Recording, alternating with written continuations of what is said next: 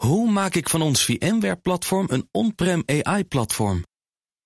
Lenklen, NVIDIA AI Enterprise Partner. Lenklen, betrokken expertise, gedreven innovaties.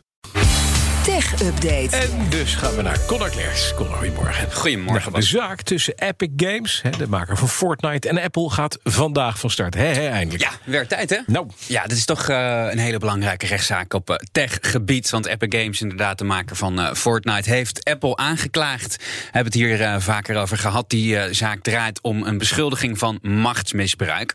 Ehm, dat zit zo. Apple eist dat eh, apps het betalingssysteem van Apple gebruiken als ze in de App Store willen. En dat is de enige mogelijkheid om eh, op een normale wijze een app eh, bij iPhone-gebruikers eh, terecht te krijgen.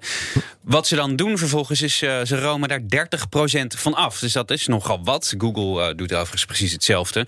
En die zaak is dus erg belangrijk, omdat ehm, mocht Epic Games hier nou gelijk krijgen, dan staat het verdienmodel van Apple en waarschijnlijk daar achteraan Google Ja. behoorlijk onder druk ineens. Ja. Ehm, dus we moeten even kijken, maar als de Amerikaanse rechter Epic gelijk eh, geeft, dan gaat de wereld van de App Stores er misschien wel heel anders Ja, uitzien. maar toch, dat gaat nog wel even duren voordat de rechter van Amerika iets zegt hè, in deze zaak. Zeker, ja. De zaak gaat eh, sowieso eh, weken duren. En je kan er ook alvast van uitgaan dat degene die bij de rechter aan het kortste eind trekt in hoger beroep zal gaan. Want er staat gewoon ontzettend veel geld op het spel.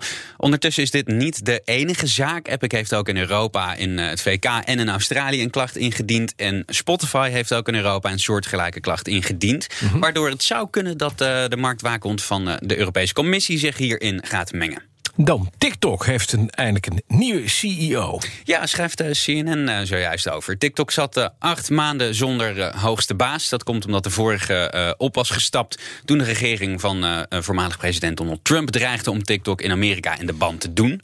Nou, dit weekend eh, hebben ze bekendgemaakt dat Xiaozi Chu de nieuwe TikTok-CEO wordt.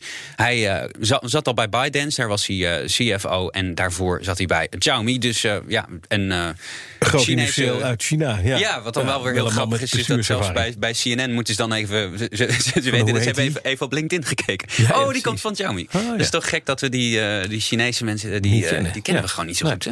En waar, meneer, eh, meneer Chu moet ik zeggen, hè?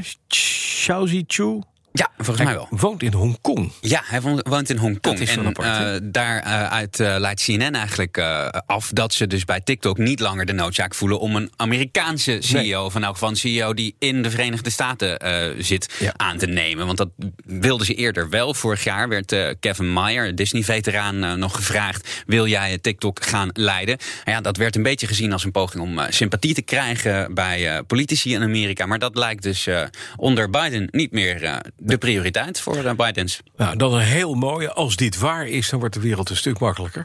Want er komt mogelijk op de Apple Watch een sensor om je bloedsuikerspiegel te meten. Dat betekent dus dat diabetespatiënten weten wanneer ze moeten prikken. Ja, dat zou. eh, Oh, dat, daar zijn heel dat veel collega's heel blij mee, denk je. Ja, dat denk ik ook. Dat, Nou. zou, eh, dat zou heel goed nieuws zijn. Nou. Nu.nl eh, schrijft daarover vanmorgen eh, op basis van eh, eh, berichten uit Engeland.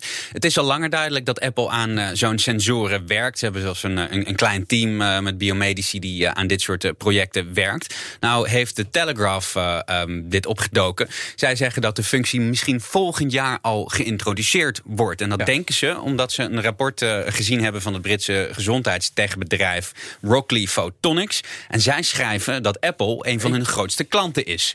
Dus dat zou wel interessant eh, zijn. Want zoals je al zei, wat, als dit nou lukt, dan is dat echt een doorbraak voor eh, de behandeling van diabetes. Want dan hoeven mensen niet meer met zo'n vreselijk eh, vingerprikding de hele tijd eh, Of- de of bloedsuiker. onderhuidse chip, Of zo'n onderhuidse chip.